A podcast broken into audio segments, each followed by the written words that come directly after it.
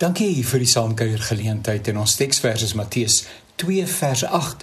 Daar was skaapwagters in daardie omgewing wat in die oop veld gebly en in die nag oor hulle skape wag gehou het. En met een staan daar 'n engel van die Here by hulle. En die heerlikheid van die Here het rondom hulle geskyn. Hulle het baie groot geskrik.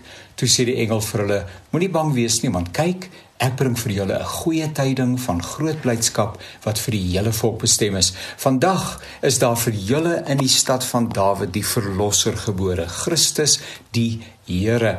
En my opskrif is Kersfees net om die draai. Klokslag doen ons jaarliks by Kersfees aan. Dit kan ook nie anders nie. Die besondere geleentheid is integraal deel van ons geloofsverstaan. Christus Jesus wat in die volheid van die tyd by ons kom intrek het. Soos een boodskap vertaling dit het, God moved into the neighborhood. Ja, dalk moet ons eerder praat van Christusfees as Kersfees. Die Engelse benaming Christmas is daarom baie nader aan die groot saak waaroor dit gaan, maar Kersfees En dan lees ek op die internet by Wikipedia nogal Kersfees vanuit Kerst, 'n Middel-Nederlandse naam vir Christus, is dus letterlik Christusfees. Ek dink nou maar sommer net aan die mense wat so 'n probleem het met Kersfees, nê? Is letterlik Christusfees. Is 'n tradisionele herdenkingsdag op die Christelike kalender wat plaasvind op die 25ste en 26ste dag van Desember en vier die geboorte van Jesus. So inderdaad En dis nou my woorde nê, sluit die aanhalingstekens. Inderdaad, Kersfees is 'n Christusfees. Nou, hoe nader ons aan hierdie geleentheid kom, om hoe meer kom die boodskappe op sosiale media wat mens en praktyk rondom Kersfees verwens en bestraf.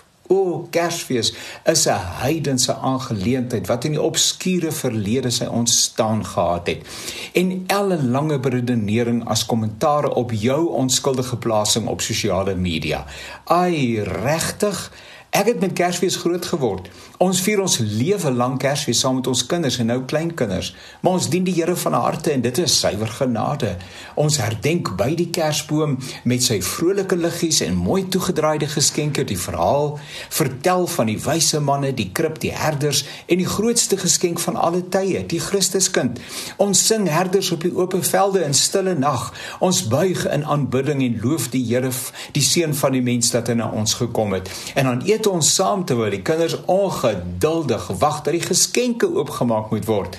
En agterna vra ons die kinders, "Wat gebeur rondom Kersfees? Oor is Jesus se geboorte of sy verjaarsdag of hulle dit ook al in hulle eie verbeeldingswêreld verstaan?"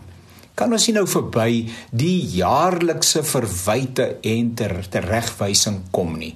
Kan ons nie maar ons eie keuses uitoefen sonder om deur ander tereggewys te word en selfs die ewige verdoemenis ingestuur te word nie. Ai, tog, wanneer word ons groot?